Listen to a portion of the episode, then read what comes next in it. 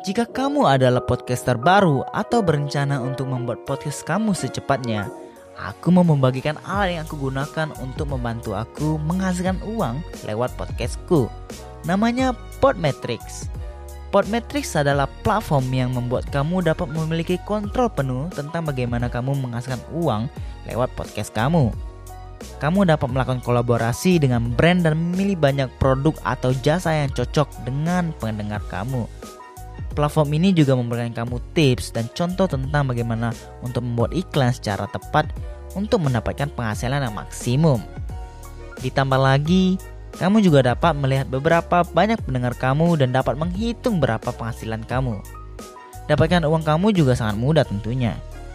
Jadi kalau kamu seorang podcaster, pastikan kamu mendaftar dengan link tautan di deskripsi box di dalam episode ini dan gunakan kode referral saya jadi yuk, kamu juga dapat menghasilkan uang dari podcast kamu.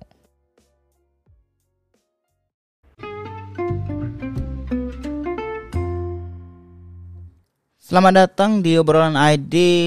Bagi yang mau berpodcast ria bisa pakai Anchor gratis. Uh, ya, apa kabar kalian semua? Masih bang masih bareng gue Erwin di podcast mingguan kalian. Semoga kabar kalian baik-baik saja di mana kalian berada. Apa kabar?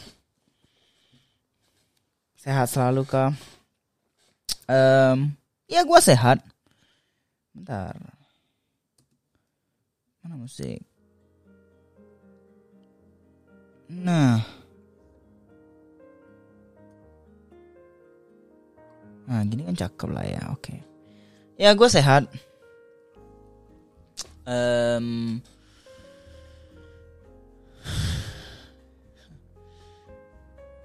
uh, Tadi gue mau ngomongin apa ya? Enggak enggak. Uh, Kayaknya gue udah gue udah nggak upload sekitar dua minggu.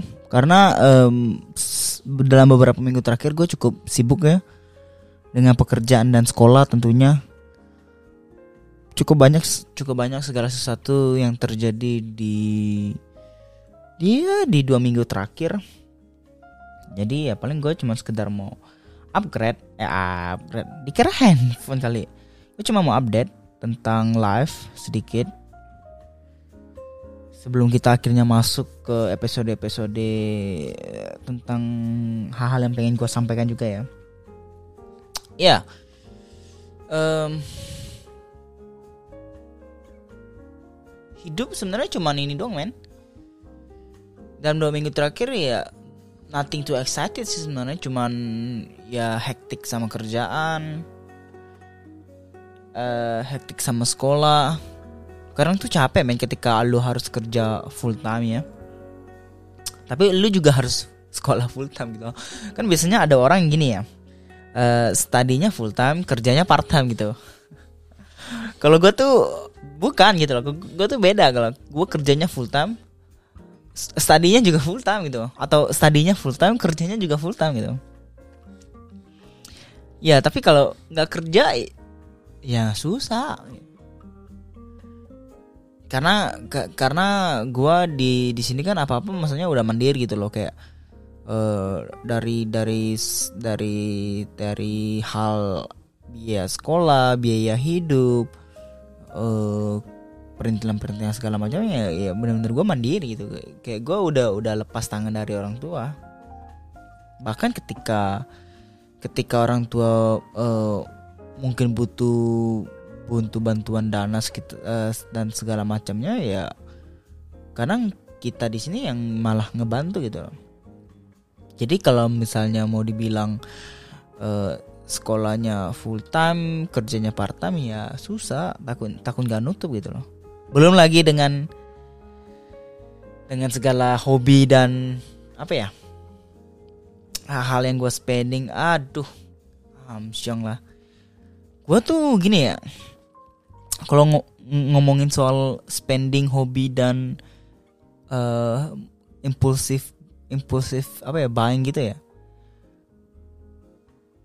Eh uh, gue tuh well gini deh kayak gua tidak tidak nggak bisa juga sih misalnya gua mau bilang gua impulsif eh gua nggak impulsif gitu. Gue memang kadang nggak impulsif gitu. Tapi ketika ada datangnya season season gue lagi impulsif impulsifnya itu parah men gitu kayak gue tidak boros dalam hal makanan gue tidak boros dalam hal fashion. Gue tidak boros dalam hal apa ya? Eh ya ngemil ngemil begituan sih enggak gue enggak. Um, gue ya lebih boros ke arah kira-kira hobi yang memang memang biasa gue lakuin atau ya uh, device dan teknologi segala macam ya. Ya yang kalian tahu ketika udah ngomongin soal device dan teknologi ya memang kisaran harganya tuh ya bukan hal yang murah gitu loh.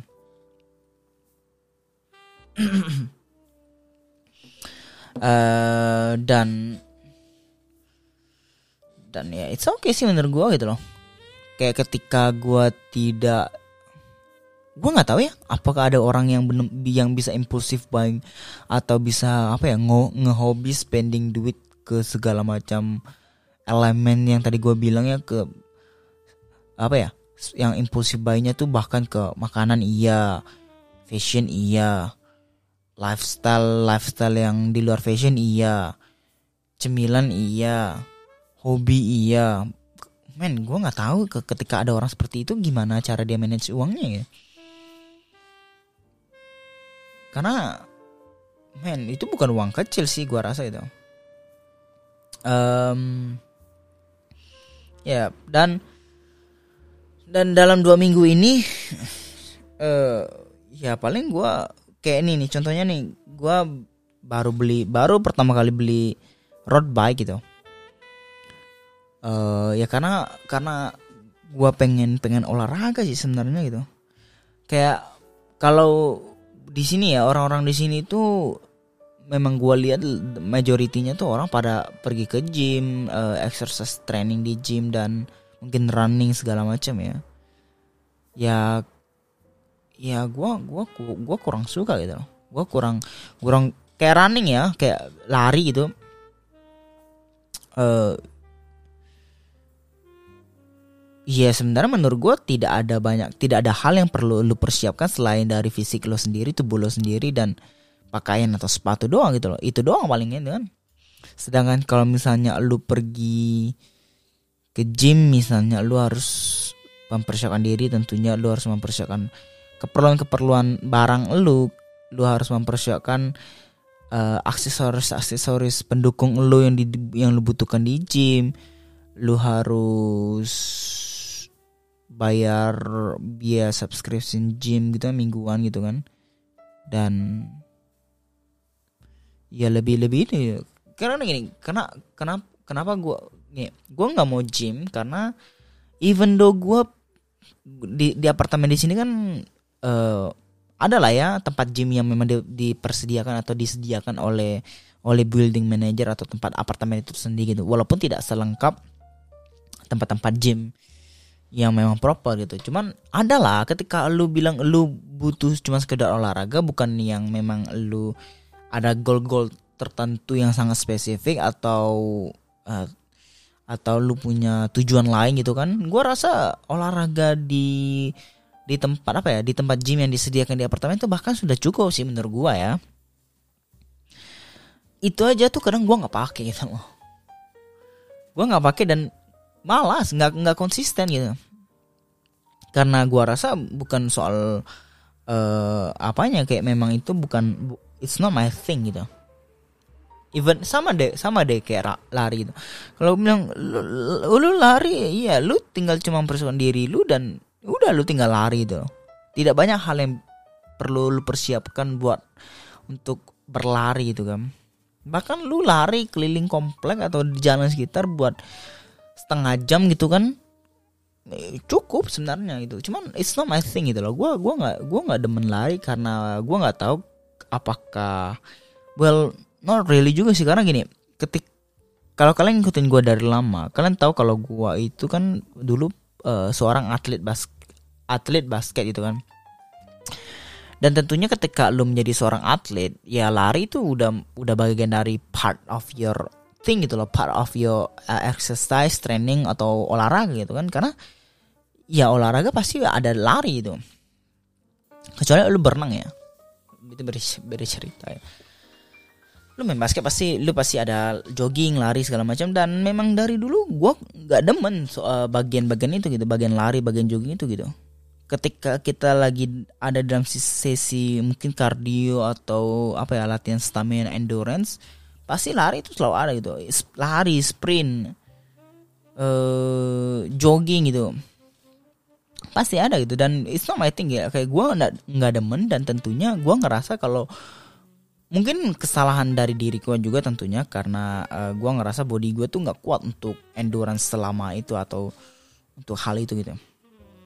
Dan tentunya sebenarnya ya yang benar harusnya gue perbaiki gitu kan kira-kira apa yang bisa gue perbaiki gue konsultasi segala macam dan but but then I don't like it gitu loh. Kalau gini deh kalau lu sur suruh gue uh, jogging lah ya nggak usah nggak usah lari sprint lah ya. Jogging aja maksudnya lari biasa aja bukan sprint. Selama 30 menit atau bahkan sejam atau main apa atau uh, main game basket gitu. Bukan main game main game uh, apa video game ya enggak. Kayak ya udah kayak match aja gitu loh. Walaupun bukan competition kayak di lapangan aja udah main uh, lima lima gitu kan. Sama temen nonstop sejam gue bakal pilih main itu gitu loh. Uh, walaupun tetap ketika lu main game apa match itu lu pasti butuh lari lu bahkan butuh sprint lu bahkan melakukan akselerasi akselerasi yang yang cukup cepat gitu cukup cepat dan uh, dalam waktu yang sangat pendek gitu. Bahkan menurut gue ya bakal lebih menguras tenaga ketika lu ada dalam suatu match itu gitu. Dibanding lu lari gitu. Kalau lu lari kan lu tinggal bisa jogging atau lu maintain pace lu maintain kecepatan dan kecepatan uh, berlari lu. Dan gua rasa itu bisa apa ya membantu lu untuk memaintain stamina lu juga gitu. Sedangkan ketika lu gua main basket lu nggak tahu kadang-kadang lu bisa sprint banget lu bisa jogging atau lu bisa melakukan maneuver atau ya banyak lah banyak hal yang yang yang yang tidak terduga gitu loh yang bisa lu lakukan dalam pertandingan atau match itu gitu tapi gua gua ngerasa gua lebih tahan dan gua rasa body gua lebih sanggup untuk main satu jam nonstop daripada lari satu uh, lari satu jam nonstop gitu It's weird gitu. It's not my thing then.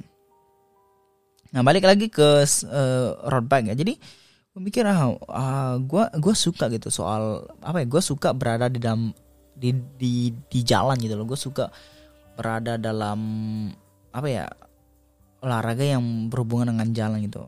Tidak harus olahraga juga sih. Makanya contohnya gue juga akhirnya punya motor ya karena gue demen naik motor gitu.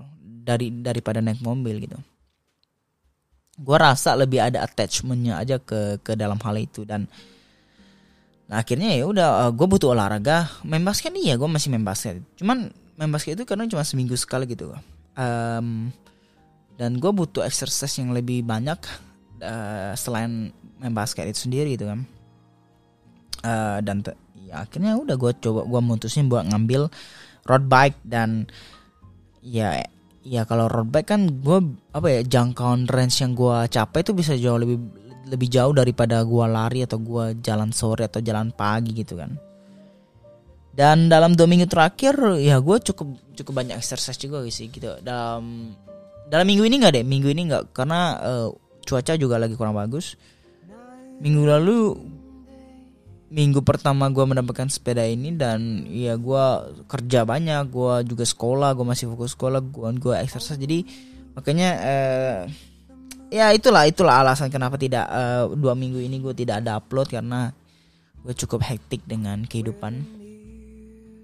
Uh, kenapa kenapa gue cukup hektik dengan dengan hobi gue yang baru dengan bersepeda adalah karena men gini deh kalau kalian kita semua pernah belajar soal El Nino El Nino ya di sekolah, di sekolah ya. Atau mungkin pastilah gue gua rasa kalian semua pasti pernah paling tidak terlintas sedikit tentang oh apa itu. Gue juga pernah diajarin di sekolah tapi memang setelah itu gue tidak ingat sama sekali. Gue lupa gue tidak tahu apa itu maksudnya sampai ketika akhirnya kita di sini di sini lagi apa ya lagi mendapatkan El Nina gini deh uh, eh, gue sedikit uh, sedikit sedikit kasih info. Kalau El Nina dan El Nino itu adalah suatu perubahan cuaca atau gini suatu behavior uh, weather ya cuaca yang membuat angin bertiup tuh uh, bertiup dan membawa awan-awan yang mempunyai evo, evaporasi atau menurunkan curah hujan yang tinggi atau besar dalam jangka waktu yang cukup cukup lama gitu loh. Kalau El Nino itu buat cewek, El Nino itu buat cowok gitu. Bukan bukan berarti buat cowok atau cewek secara manusia, maksudnya diperbedakan gitu. Gini, ketika kita lagi e, mendapatkan musim El Nino, artinya kita akan menghadapi cuaca yang kering, panas dan apa ya? Dan ya udah dry aja sepanjang periode uh, season tersebut gitu loh. Sedangkan ketika El Nino, El Nina yang datang, artinya ya kebalikan dari El Nino, kita bakal kedatangan uh, cuaca yang hujan terus-terusan, curah hujan tinggi, uh, basah, humid dan segala macamnya gitu. Nah, uh, sedangkan sekarang kan kita lagi masuk summer nih di sini. Nah, jadi tuh summernya tuh yang biasanya harusnya panas, bahkan saking panasnya, saking panasnya, saking drynya, kebakaran hutan tuh terjadi cukup parah gitu. Dalam dua tahun terakhir, eh apa namanya? bushfire itu apa kebakaran hutan itu tuh cukup parah dan bahkan sampai di apa namanya ya kemar waktu itu gue baca itu sampai di menjadi perhatian dunia gitu loh di Sydney di di, di Australia di New South Wales itu uh, dan akhirnya ketika badannya badan yang mem, badan meteorologi yang mem, apa ya mengurus soal cuaca memberikan statement ketika kalau kita bakal menghadapi El Nina di di summer ini ya udah hujan terus gitu loh. Bahkan nih dari dari sekarang nih dari detik ini gue rekaman sampai satu bulan terakhir itu tuh bisa gue bilang tuh 95% tuh hujan gitu loh. Cuaca lagi panas tiba-tiba bisa langsung storm langsung badai langsung hujan gitu kan. Jadi gokil gitu. Jadi kenapa gue cukup hektik soal bersepeda dan hobi gue ya yang gue tahu hal ini tuh yang harus gue lakukan di luar di luar rumah gitu. Ketika gue lagi mendapatkan cuaca bagus uh, ya udah gue bakal melakukan memprioritaskan hal yang bisa gue lakukan di luar rumah dan uh, maksudnya gue tuh memanfaatkan momentum itu gitu loh.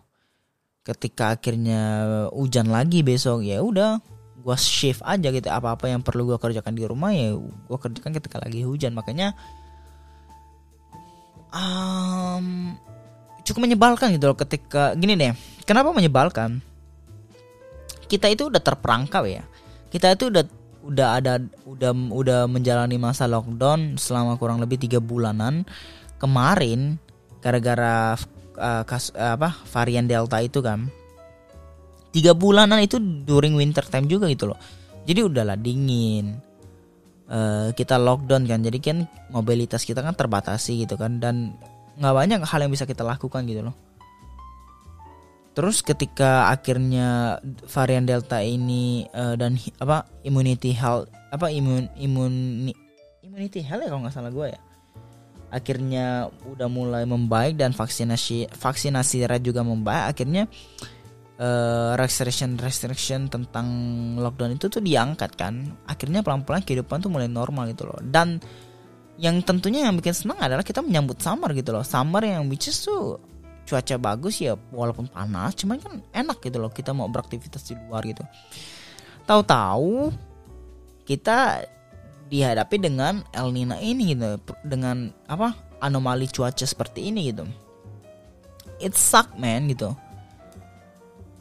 L man lu nggak enak lah lu beraktivitas di luar ketika lagi hujan atau ketika cuaca lagi wet gitu segala macam. Bahkan gini deh ya sekarang nih cuaca lagi cerah nih bisa aja nih dalam satu jam ke depan nih langsung badai hujan itu hujan badai itu gokil kan? Kayaknya cukup menyebalkan sebenarnya gitu. Uh,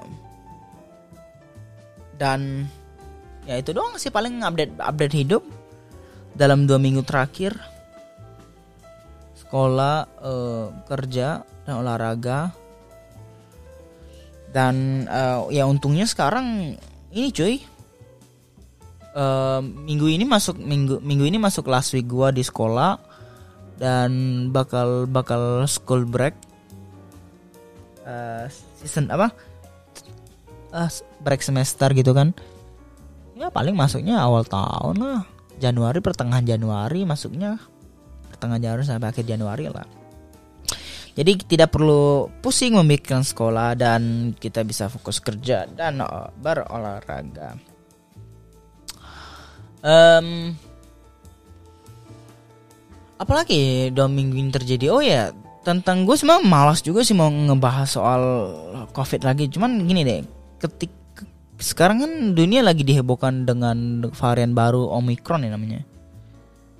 Ya walaupun para ekspor juga udah menyampaikan kalau misalnya uh, varian ini tuh sebenarnya lebih mal itu lebih lebih ringan dibanding varian varian sebelumnya walaupun secara transmisi secara transmisi penyebaran ini jauh lebih cepat bahkan jauh lebih cepat daripada delta yang kemarin gitu cuman secara apa secara efeknya secara infeksinya itu tuh lebih lebih ringan tidak separah delta. Dan makanya eh, ada banyak lah expert yang bilang kalau varian ini tidak terlalu berbahaya tidak perlu di, terlalu dikhawatirkan. Dan tapi gini walaupun tidak perlu dikhawatirkan itu cukup annoying. Kenapa? Karena gini kemarin tanggal 1 Desember eh, Australia tuh akhir pemerintah Australia akhirnya tuh eh, mengeluarkan statement kalau border Australia itu akhirnya finally di open kembali gitu untuk dunia gitu. Artinya orang-orang dengan visa-visa tertentu bisa keluar masuk Australia dengan bebas dan termasuk gua gitu kan. Dan yang yang mana gue mikir, oh mungkin ketika gua bakal lihat schedule gua ya mungkin gua bakal pulang ke Indo untuk holiday setelah setelah kurang lebih dua dua tiga tahun atau bak ya tiga tahun tiga tahun nggak nggak holiday gitu loh kan. Bahkan selama dua tahun terakhir kita dalam kehidupan yang yang sangat sak gitu. Kehidupan yang sangat menyebalkan gitu. Tahu-tahu ketika jalan beberapa hari setelah akhirnya uh, statement yang disampaikan dengan dibukanya kembali border varian baru ini kan muncul nih. Si omikron ini muncul nih kan ya ya walaupun mahal tapi kita tetap aware eh, kita tetap apa ya kita tetap high alert dong kita tetap apa waspada dong. Dan itu sucks ketika akhirnya pemerintah um, menyampaikan kembali statementnya kalau misalnya pembukaan border itu akhirnya ditunda ke tanggal 15 15 Desember ini gitu. It sucks man. Artinya apa? Gini deh ini juga hal yang terjadi selama dua tahun terakhir ya di di yang gue alami sendiri gitu kan. Kayak ya walaupun gue nggak bisa holiday selama dua tahun terakhir ya gue ceritain selama dua tahun terakhir gue nggak bisa holiday keluar Australia. Tapi sebenarnya kita masih diperbolehkan untuk uh, holiday atau terbang ke ya in, apa domestik Australia gitu. Ke Melbourne misalnya tapi kenapa gue tidak akhirnya memutuskan untuk dia pergi adalah gini, gue gue banyak sekali ngelihat uh, orang-orang yang lagi holiday nih. Uh, baru juga beberapa hari sampai masih menjalani holiday yang uh, tahu-tahu ada kasus baru atau tahu-tahu ada klaster baru, tahu-tahu ada ada apa ya? Ada lockdown lagi yang diperlakukan atau PPK PPKM PPKB lah ya. PPK PSBB, PPKB, PPKB apa coba? PSBB. Nah, uh, ada lagi PSBB PSBB yang diperlakukan dan akhirnya mereka yang harusnya stay uh, dalam apa staycation short escape itu mungkin selama satu minggu mereka tuh harus pulang di tengah-tengah um, mereka lagi holiday karena takutnya ketika telat pulang akhirnya border atau perbatasan antar domestik itu tuh bisa ditutup juga gitu loh. Jadi ketika kita udah masuk ke misalnya nih ada klaster baru ya. Tahu-tahu harus close border antara Sydney dan Melbourne. Ya udah ketika lu terjebak di Melbourne lu nggak bisa masuk ke ke Sydney gitu loh. Dan eh, sucks man. Lu nggak tahu kapan itu bakal akhirnya bakal dicabut kembali. Dan makanya ketika gue gue tidak mau holiday itu adalah karena kekhawatiran tersebut gitu loh gue lagi gue gue nggak mau ketika gue lagi enak-enaknya holiday terus terus dapat berita tentang kasus baru segala macam eh, kasus lagi apa ya lagi tinggi tingginya tiba-tiba lagi tinggi tingginya dan kita harus merubah ser, uh, apa plan kita gitu loh. And it sucks gitu loh. It it's happened to all not to all to some of my friends. Jadi di satu sisi walaupun contohnya kayak omikron ini walaupun expert bilang cukup mild tidak perlu dikhawatirkan. Eh, iya memang tidak perlu dikhawatirkan gitu. Apalagi kita udah full vaksinasi dan tentunya kita bakal mendapatkan booster lagi kan. Cuman gini ketik kita nggak tahu gitu. Hal ini walaupun kita udah punya pengalaman banyak selama dua tahun terakhir tapi itu kita tidak tahu bagaimana virus ini bermutasi bermutasi memberikan varian baru. Dan tentunya ketika udah namanya varian baru data-data yang lama tuh bukan bukan tidak relevan ya. Cuman artinya ya ada room lagi yang harus dipelajari orang oleh para expert dan para saintik gitu loh. Nah artinya apa? Kita tidak bakal kita tidak akan pernah bisa meng mengklaim kembali freedom itu gitu loh. Lu nggak tahu main ketika lu lagi menjalani akhirnya menjalani new normal lu tiba-tiba ada varian baru dan bakal ada pasti bakal ada apa ya? Perubahan atau tendensi-tendensi yang diberikan atau di, diperlakukan untuk untuk apa ya? Untuk menjawab respon akan varian tersebut gitu loh. Lu paham kan maksud gue gitu ya and it sucks. It sucks gitu loh. Jadi I don't know gitu loh. Gue kadang tuh ketika gini ke, pas gua, gua tahu ada beri ada varian baru tentang omikron dan segala macam ya di tempat kerja gue ngeliat dan tau gak ya gue gue bilang gitu. Gue lihat HP dan respon gue gue bilang ke teman kerja gue gue bilang men gue rasa sih kita semua bakal mati gitu lah. Kesel gak sih lu gitu? Kita nih udah capek nih selama 2 tahun terakhir dengan kehidupan yang benar-benar berbeda 180 derajat dan tidak banyak yang bisa kita lakukan. Dan hal ini terus muncul gitu loh, varian baru, uh, masalah baru gitu kan. Uh, ya ya varian-varian baru ini yang yang akhirnya mengancam atau menakutkan or, menakutkan orang-orang itu terus muncul gitu. Gua rasa gini, ketika lu sukses ketika lu survive dari dari wave pertama ketika lu survive dari varian pertama oke okay, dan lu uh, dan begitu banyak juta orang yang meninggal gini deh ya gue nggak mau lu salah nangkap maksud gue gitu cuman ketika lu akhirnya survive dari beberapa varian ketika variannya muncul terus gue rasa men jumlah jumlah orang yang survive otomatis bakal bakal makin lama makin mengecil gitu makin berkurang itu loh. Lama-lama ketika varian itu muncul, gua rasa ini tinggal tunggu waktu, men. gua rasa ini tinggal tunggu waktu dan tinggal tunggu waktu dan giliran lo doang ya. Walaupun celutusan gue tentang kita semua, gua rasa kita semua akan mati itu cuma cuma ya sekedar joking, joking atau jokes dan keresahan juga sih bercampur aduk gitu loh. Ngelucu bukan ngelucu semerta-merta ngerendahin cuma tuh kayak ketik pernah gak sih lu ketika menghadapi masalah ini dan lu tuh ketawa gitu loh? Lu ketawanya itu kayak ketawanya nah sama gitu loh. Kayak ah here we go again gitu. And it sucks it sucks dan makanya yang tadi gue bilang gue nggak tahu uh, kapan kita benar-benar bisa kembali uh, freedom freedom hal tersebut gitu loh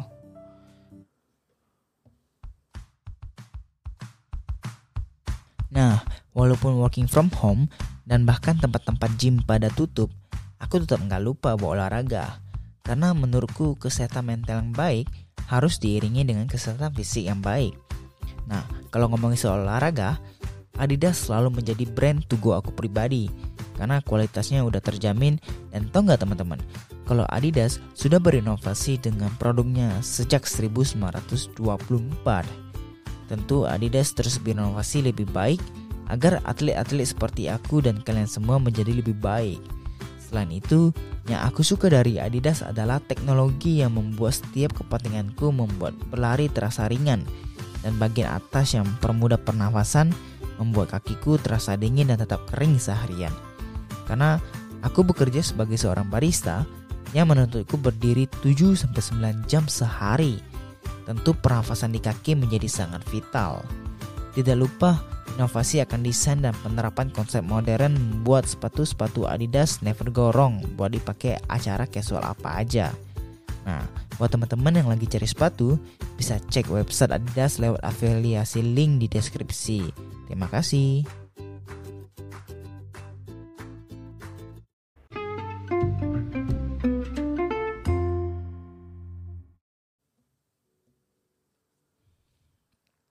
Mungkin freedom tuh memang udah nggak ada lagi gitu loh ya. Gini, uh, gue belakangan ini ya belakangan ini gue juga lagi lagi nge-rewatch. Gue lagi nge-rewatch kembali. Ya nge-rewatch udah pasti kembali. Gue lagi nge-rewatch film Marvel dari dari fase awalnya dari jadi ketika kalau kalau kalian pakai Disney Plus lu masuk ke Marvel kalian bisa di situ ada ada apa ya ada ada hal apa di yang dikasih sama Marvel atau di Disney Plus itu timeline timeline soal eh, film-film Marvel gitu loh. Dari Captain America, Avengers segala macam. Jadi tuh timelinenya udah in order, timelinenya tuh udah udah sesuai dengan timelinenya gitu.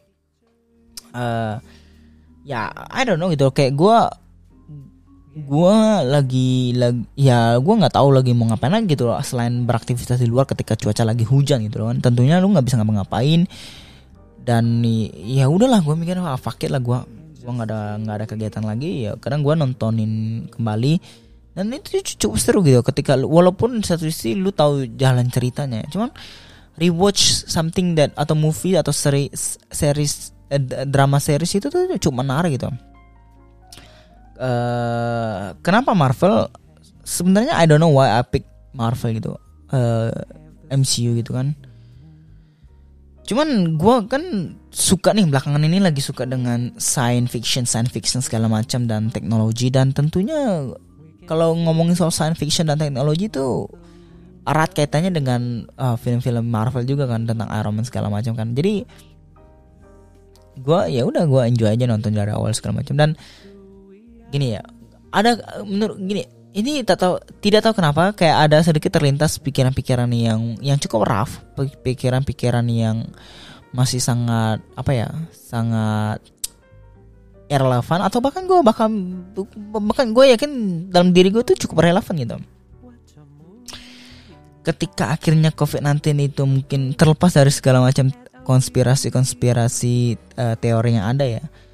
Entah itu untuk mengurangi populasi manusia atau untuk iya jelas lah untuk mengurangi populasi manusia gitu. Yang ketika gue gue banyak banyak sekali ngebaca artikel atau banyak sekali ngelihat video-video penjelasan penjelasan tentang apa apa yang terjadi gini.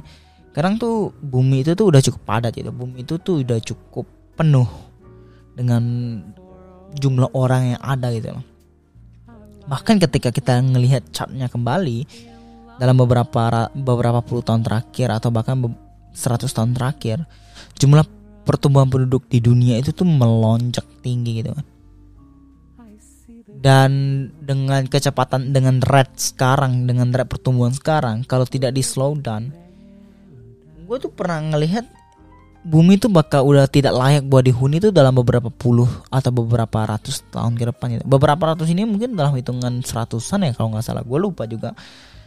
Cuman intinya gitu pertumbuhan penduduk erat di bumi ini tuh cukup tinggi dan kalau tidak di slow down atau tidak di stop ya bumi tuh udah akan menjadi layak akan menjadi tempat yang tidak layak untuk ditinggali karena udah crowd gitu udah penuh gitu. Itulah alasan kenapa uh, sekarang para ilmuwan dan para saintis para uh, orang-orang yang bekerja dalam hal astronomi astrologi astrologi segala macam tuh masih berusaha untuk mencari uh, tempat hunian baru gitu loh untuk kita. Bumi baru untuk ya kita tinggal gitu. Karena apa? Karena ya udah nggak layak ditinggal gitu loh.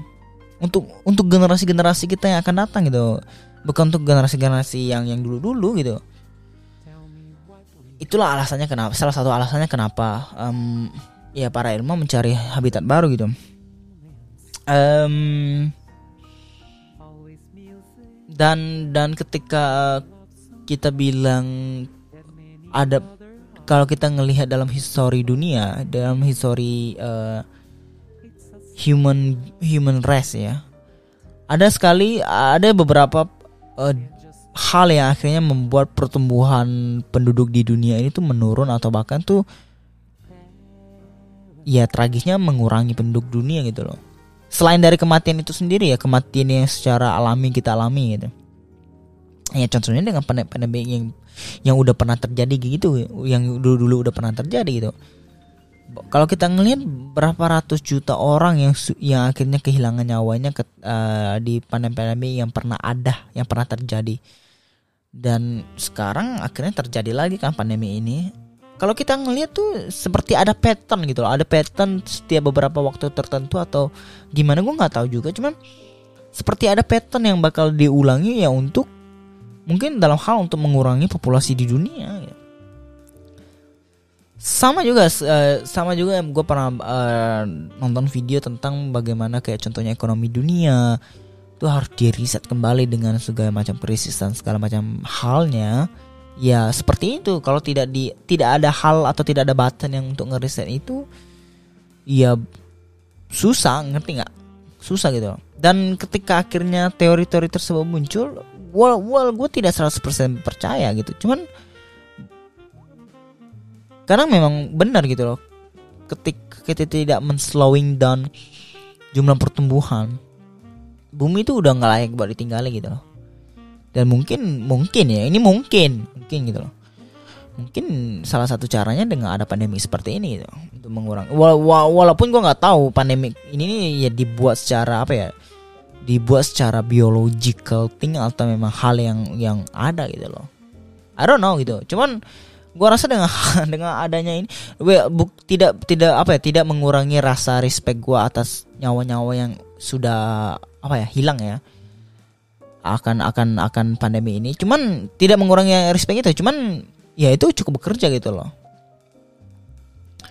Ya yang it, itu gue rasa itu hukum alam gitu loh. Yang kita tahu segala sesuatu, segala sesuatu yang terlalu banyak itu tidak baik segala sesuatu yang terlalu terlalu sedikit itu tidak baik juga. Jadi harus ada balance. Kita harus mencari balance tengah gitu cuman susah kan ketika kita bilang dalam hal ini tidak ada apa ya ketika secara secara jalan tengahnya itu kita tidak bisa mencarikan solusi yang terbaik ya tentunya ada hal-hal yang ya akhirnya harus harus diberlakukan seperti seperti ini gitu loh ya gue tidak bilang kalau misalnya memang covid ini itu diciptakan ya untuk mengurangi populasi dunia secara sengaja. Gue tidak bilang itu. Cuman ya menurut gue pribadi ya itu cukup relevan gitu cukup masuk akal dan sedikit ada korelasi gitu.